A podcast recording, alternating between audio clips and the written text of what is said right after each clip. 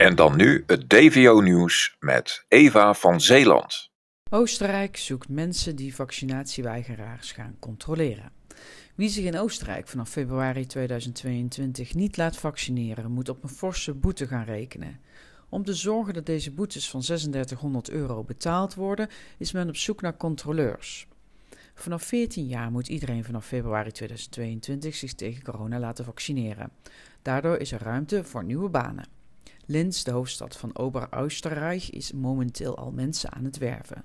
Deze stad heeft 200.000 inwoners en heeft de laagste vaccinatiegraad van Oostenrijk. Slechts 63% is dubbel gevaccineerd. Linz wil mensen dus gaan aanstellen om niet-gevaccineerden te gaan controleren. Hun salaris bedraagt minstens 2774 euro per maand. Alleen Oostenrijkse staatsburgers komen voor deze baan in aanmerking en uiteraard moeten zij zelf gevaccineerd of genezen zijn. Het aantal coronagevallen in Oostenrijk is overigens aan het teruglopen. 1800 gevallen in 24 uur, het laagste aantal sinds twee maanden.